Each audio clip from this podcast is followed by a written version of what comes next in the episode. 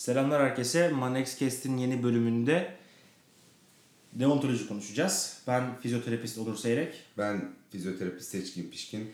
Deontoloji deyince aslında pek bir şey canlanmamış olabilir kafamızda. Ama bunun tıp etiği daha doğrusu mesleki etik ve ahlak olduğunu söylediğimizde biraz daha bir şeyler canlanıyor. Ee, biraz İngilizcesi neydi hocam? E, Code of Honor diye de Code of geçiyor. Honor, evet. Code of Conduct diye de geçiyor. Ya da racon diye de geçiyor. Racon, evet. Argo'da mesleki racon diye de geçer. Biz racon demeyelim fazla. Evet. Fizyoterapinin raconu gibi oluyor. Hocam peki şuradan başlasak. Mesleki ahlak yani derste, üniversitede hepimiz etik dersi aldık. Evet. Hiçbirimiz dinlemedik. Evet. Adam akıllı dinleyen varsa lütfen bize yazsın. Ee, nedir hocam mesleki ahlak, mesleki etik? Ondan sonra özel olarak tıp etiğine geçeceğiz. E, yaptığınız mesleğe karşı saygınız bence bana sorarsan. Birinci kural. Mesleğin kendisine saygısı. Mesleğin ihtiyaçlarını karşılayabilme. Hangi meslek olduğu çok önemli değil. E, hizmet sattığınız insanlara karşı saygı. Yani bu zaten karşındaki insanı kazıklamama, kendini kazıklamama, iş arkadaşını kazıklamama, çalışanını kazıklamama, mesleki etik, ahlak bu. Hümanizm temelinde bu yatıyor. Peki hocam nereden başlar mesleki ahlak? İnsanın kendinden başlar. Yani Önce kendimize mi saygı duymalıyız? kendimize saygı duymalıyız. Yani şimdi şöyle bir olay var. Çoğu e, arkadaşımız dik başlılıkla saygı, Samimiyeti samimiyeti yok pardon. Şimdi saygısızlık boyutunda olan bir dik başlılıkla dik durabilmeyi, dik başlılıkla dik durmayı karıştırıyorlar. Evet. Yani bir kere bu çok ayrı iki şey. Yani bana e, düşüncelerini söyleyebilmek ayrı bir şey. Bunu Diretmek. söyleme, diretmek ayrı bir şey. Bir. İki, bunun tam tersi de şey, sorulduğu zaman düşünceni söylememek de saklamakta. Evet. Yani ikisi de esasında etik kavramların içerisinde yer alıyor. Peki insanın kendisinden başlar dediniz hocam. E, mesleki e, etik ve ahlak. Sonrasında e, tabii ki de mesleğin en temel ilkelerini edinmekle devam eder mi? Tabii ki eder. Yani Yani fizyoterapi açısından konuşacak olursak, fizyoterapinin de özelinde konuşalım. özelinde konuşacak olursak, onun ne olduğunu bilmekle mi başlar? Bunu sadece kitabi tanımlarıyla mı bilmekle başlar? Bir kere toplumsal olarak ilk önce toplumdaki fizyoterapi mesleğini icra ediyorsanız toplumdaki fizyoterapinin rolünü ve yerini iyice öğrenmeniz lazım. İkinci olarak siz bir sağlık hizmeti satıyorsunuz esasında. Ticari ve etiği beraber nitelendirirsek. Sağlık etiğinin içerisinde eee, siz karşınızdaki sonuç olarak sıkıntıları olan biri ve bu sıkıntıları dahilinde sizden yardım talep ediyor. Bu yardımı bir kere en büyük birinci görevi suistimal etmek. Evet. Suistimal nasıl oluyor? Yapamayacağınız şeyi yapamam demek bu birincisi. Yapamayacağız şeyi yapabilirim demek. Yapamam. Suistimal etmek bu.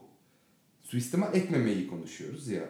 Yapamayacağınız. Ya ben şimdi ortopedik ve e, ağrı rehabilitasyon üstünde çalışıyorum.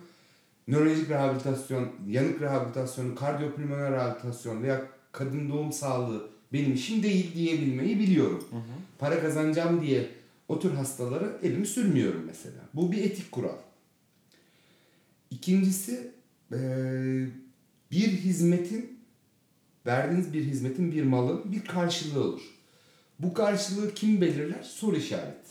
Bu çok büyük soru işareti. Çünkü bir mal satmıyoruz biz. Aynen öyle. Yani mal sattığınız zaman da belli bir kar marjınız olur İşte kalemin maliyeti olur. Evet. Kar marjı olur. Tüm dükkan giderleriyle birlikte, çalışan giderleriyle birlikte onlar hesaplanır, belirlenir. Ortaya bir şey çıkar. Ücret çıkar. Aynen öyle. Şimdi öyle bir durumumuz olmadığı için bir tavan fiyatımız da bir taban Taban. fiyatımız da yok. Hı hı. Yani şu anda Türkiye'de yok böyle bir şeyimiz. O da olmadığımız için zaten bunu belirleyemiyoruz. O zaman ne geliyor? Gene mesleki etik ahlak kuralları deontoloji gene devreye Evet. giriyor. Bu zaman mecburen o zaman ahlaki kurallar devreye girer. Eğer kanun yoksa ahlaki kurallar. Çünkü bu toplumda da böyle.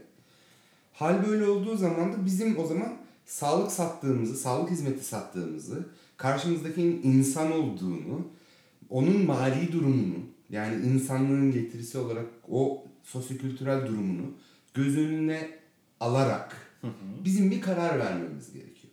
Ama burada kendi çıkarlarınızı da sonuç olarak siz bir hizmet veriyorsunuz ve bunun karşılığında sizin de bir almanız gereken bir şey var. Bu sizin çıkarınız, mecbursunuz. Bu da bir hizmet, ticaret.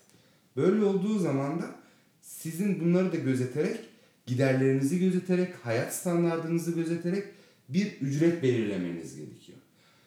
Benim yaptığım kendime tavan fiyat belirlemek. Bu benim et- e, mesela mesleki etik ve ahlakım. Tavan fiyat bu önemli. Taban fiyat tamamıyla duruma göre değişir. Kesinlikle. Zero almanız gereken yani sıfır almanız gereken insanlar da olur. Sembolik almanız gereken insanlar da olur. İndirim yapmanız gereken insanlar da olur. İndirim yapmamanız gereken insanlar da olur. İndirim yapmamanız gereken insanlara indirim yapmamanız lazım. Bu da bir etik. Anlatabiliyor muyum? Ne yazık ki. Çünkü onun maddi durumu varsa vermesi gerekiyor. Sizin hakkınız o. Hı hı. Ama aynı hakka başka birilerinin de sahip olabilmesi gerekiyor. Çünkü sağlık hizmeti veriyoruz. Benim düsturum bu en azından. Evet. Ulaşılabilir olması gerekiyor. Ulaşılabilir olması gerekiyor. Ticari anlamda doğru olmasa da sağlık ve insani olarak doğru bir karar. Ve ben bunu kendi açımdan daha çok önemsiyorum. O yüzden de her insana göre belli bir fiyat politikam var. Ama minimumunda var mı artık diye soruyorsanız mecbur var. Çünkü giderlerim var. Evet yani kliniğin konumu ve giderler gereği Evet. mecburen olmak zorunda. Mecburen oluyor. Ama deontoloji dediğiniz kavramın içerisinde şöyle bir olay da var. Mesela meslektaşlarının birinci dereceden yakınlarından özellikle ücret almamak. Bu Hı hı. tıp sektöründe eskiden çok iyiydi. Benim babam diş hekimi. Yani tıp sektöründen herhangi biri geldiği zaman eşinden, annesinden, Hı hı. çocuğundan para almazdı. Evet. Şu anda bu böyle değil. Çünkü ne yazık ki bu ahlaki değerlerimizi toplum olarak çok kaybettik. Maalesef. Ama ben yeni mezun arkadaşlara özellikle veya yeni işe giren arkadaşlara veya yeni iş yeri açan arkadaşlara bunu tavsiye ederim. Bunun orta ve uzun vadede, kısa dönemde zarar gibi gözükebilir ama orta ve uzun vadede çok büyük pozitif katkılar sağlayacağını. Hı hı. Sadece maddi olarak değil, manevi olarak da büyük katkılar sağlayacağından emin olabilirsiniz. Deontoloji hocam biraz karakter meselesi olduğunu da ilk başta konuşmuştuk. Evet. Bu geliştirilebilir bir şey mi? Biraz eğitimle de alakalı bir şey ama bir şekilde sonuç olarak e, insanla ilgilendiğimiz için, insanların sağlıklarıyla ilgilendiğimiz için ve bize bir umut bağladıkları için bunu kullanmamayı, bunu kötüye kullanmamayı bir düstur edinmemiz mümkün mü? Ya niye mümkün olmasın? Yani sizin aklınız var. Bu söylediklerimi dinliyorsunuz. Bunları düşünebiliyorsunuz. Her şeye ticari açıdan bakmak yanlış. Her şeye deontolojik açıdan bakmak da yanlış ama. Yani şimdi ikisinin de böyle bir bu, Dengesini bulmak lazım. dengesini bulmak lazım. Çünkü bıçağın sırtı gibi.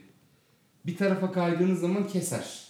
Evet. Ticari açıya kaydığınız zaman size kötü bir reputasyon olarak keser. Paracı diye. Hı hı. Öbür tarafa kaydığınız zaman ya bu zaten para almıyor hepsine gidelim. Ve kendi saygınlığınız bakımından, Yaptığınız işin saygınlığı bakımından. saygınlığı bakımından düş- düşürmüş olursunuz. O yüzden bıçağın iki yanı bu. Ortada yürüyoruz. Biz bunun dengesini sağlamak zorundayız. Özellikle de özel çalışanlar açısından. Aynen öyle. Bir tıp merkezinde çalışanın peki hocam e, de- deontolojik açıdan nasıl e, yaklaşımları olabilir? Hem meslektaşlarına hem belki az üst ilişkisi olarak. Şimdi bir kere üst o da çok sıkıntılı bir kavram. Yani üstler üst olmayı, alt, astlar da ast olmayı bilmiyorlar. Evet. Ne yazık ki. Çünkü eee üst, üstler çok egolu davranıyor. Ben de çektim zamanında. Yani askeri bir sistem gibi hani e, şeyler devrelik olayı gibi böyle. Üstler diyor ki ben de çok dedim. Benim de beni de böyle yapmışlardı. Ya şöyle bir algı var galiba. Üstler kafasını ezelim diye bakıyor. Üstten basalım. Alt, alt, alt astlar da ben Ayak- ezilmeyin diye. ya da bakıyor. ayağa kaydıralım gibi. Aynen öyle. Öyle bir E, ikisi de gene ama deontolojiye geliyor gene. Saygı göstermeme. O bir senin meslektaşın yeni mezun da olsa. Öbürü de senin meslektaşın ama tecrübesine de en azından hayat tecrübesine saygı duymak zorundasın. kesinlikle. Yani önünde 7 sene varsa birisinden senden 7 sene büyükse mesela yaş olarak yani ne olduğu önemli 7 senelik hayat tecrübesi var bir kere senden. Her türlü kötü tarafı geçtim. Saygılı olmak zorundasın. Bence böyle. Ama e, baktığın zaman üstünde senden 7 sene aşağı diye aşağılaması yanlış. Hı hı. Ee, bu açı yani yine her şey aslında karaktere dönüyor. Peki bu karakter özelliklerinde şöyle bir şey var.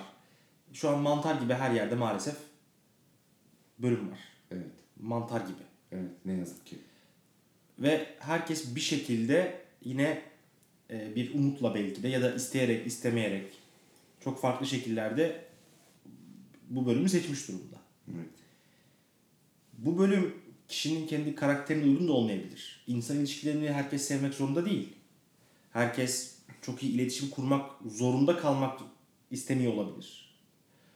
Ee, masa başı oturmayı, çalışmayı çok seviyor olabilir. Bunlar kötü şeyler değil. İnsanın kendi istediğini bildiği müddetçe muazzam şeyler aslında. Çünkü ne istediğini biliyor.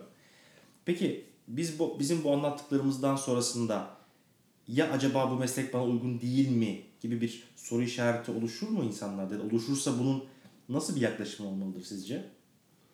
Yani şimdi insanla uğraşmadığınız meslek var mı? Bence yok. Hı hı. Yani inşaat sektörüyle uğraşıyorsunuz. İnşaat mühendisisiniz. Çalışanlarınız amele, işçi yani. E, patronunuz var. Altınız var, üstünüz var. Yine insanla uğraşıyorsunuz. Ama sözde siz inşaatla uğraşıyorsunuz. Makine mühendisi olursunuz fark etmez. Mimar olursunuz fark etmez. Hukukçu olursunuz Fark etmez. fark etmez. Sadece sektörel bazlı bir de biraz değişiklik var. Mal hizmet satmak bile. Yani şimdi siz lokantada yemek yapıyorsunuz, satıyorsunuz. Hı hı. Ama onu kime satıyorsunuz? İnsana İnsana. satıyorsunuz. Her insanın damak tadı aynı mı? Hı. Değil. Veyahut avukatsınız, boşanma davasına bakıyorsunuz. Her insanın karakteri farklı. Hakimsiniz, karşınızdaki insan Tabii. karakteri farklı. Avukatların karakteri farklı. İnşaat mühendisiniz. Gene oradan gireyim. E, bir sürü altınızda çalışan işçi var. Bir baret takmaz sorumlu siz olursunuz. Yani anlatabiliyor muyum? Bunların hepsinde insanla uğraşıyorsunuz. Ve ama bizim mesleğimizin bence çok büyük tatmin edici bir yanı var. İnsanlara sağlık veriyoruz. Hı hı. Daha önce çok konuştuk bunu. Healing yani şifacıyız Evet. şifa dağıtmaya çalışıyoruz. Ve insanların özellikle ben şu anda e, klinikten çıkarken insanların yüzünde gülümsemeyle çıkmaları paradan çok daha büyük bir tatmin oluyor. Kesinlikle. Ve ben bunu tercih ediyorum şu anda. Bir diğer arkadaşlarım da deontoloji kavramına bu yönden bakmaları gerekiyor. İnsana değer verme. Deontoloji kavramının içinde şu da var mı hocam? Ee, ya sevdiğin işi yap ya da yaptığın işi sev. Kesinlikle. Kesinlikle çok e, e, yumurta mı tavuk tavuk mu yumurta gibi gözüküyor bu esasında. Esasında birbirinden farklı değil. Hı hı. Sen mecburen bu işi yapmayacaksan bu işi sevmek zorundasın. Sevmiyorsan bırakmak senin elinde. Bırak. Sevdiğin işi yap. Ama bırakamıyorum ama ben bu işi de sevmiyorum. Böyle bir ironi yok. Yok. Yani böyle bir hakkın da yok. Hı hı. Çünkü yani ben inşaat mühendisiyim. Bina yapmaktan nefret ediyorum. Beton görmeye dayanamıyor. Beton görmeye dayanamıyorum. Beton beni midemi bulandırıyor, tutuyor beni. Hani saçmalık. Bizdeki olay da aynı. Nöroloji çalışma ben mesela nöroloji çalışmayı sevmiyorum. Nöroloji çalışmadım. Hı hı. Bu sektörün içindeki bölümleri seçmek sizin içerisinde ama e, nöroloji çalışmam gereken zamanda da Çalıştınız. çalıştım ve severek yaptım. Evet.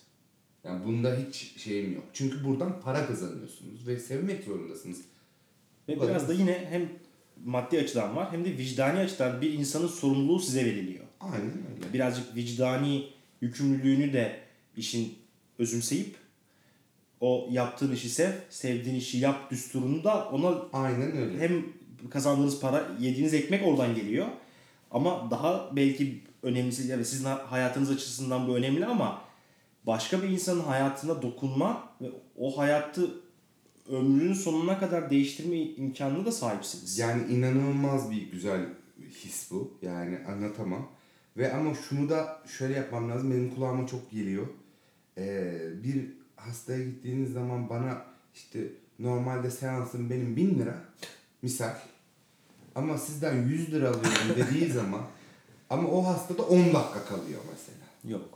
Bu, Hani 1000 lira alabilirsiniz. Evet. Bakın bu sizin üst limitinizdir. Ben hiçbir sıkıntı duymuyorum. Ama 100 lira almanız gereken hastada da 1000 liralık emek vermeniz lazım. hizmeti kısmı hakkınız yok. Yok.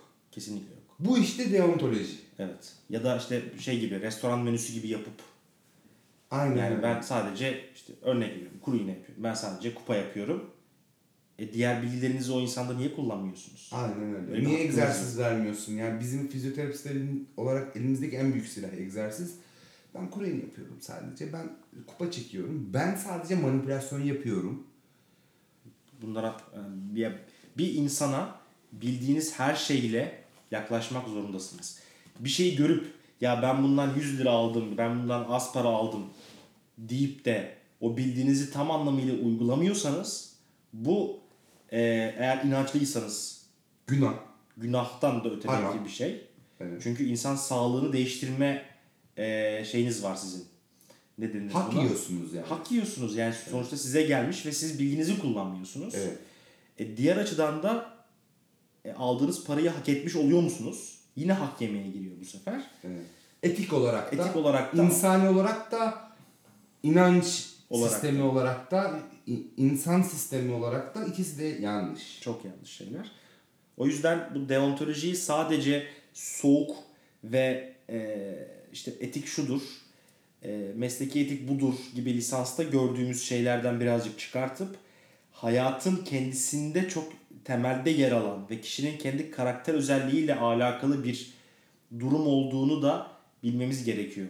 Hem tüm danışan yaklaşımlarımızda, e, onlarla bizim tüm özel iletişimlerimizde bildiğimiz kadarıyla samimi bir şekilde o danışanlarımıza yaklaşmamızla tüm varlığımızla aslında bu deontolojiyi özümseyip hem meslektaşlarımıza hem danışanlarımıza hem tüm çevremize hem stajyerlerimize patronumuza çalışanımıza herkese uygulamak ve bunun örneği olmak gerekiyor aslında. Deontoloji aslında bir bilim. Evet. orada. Ve pozitif bir bilim arkadaşlar.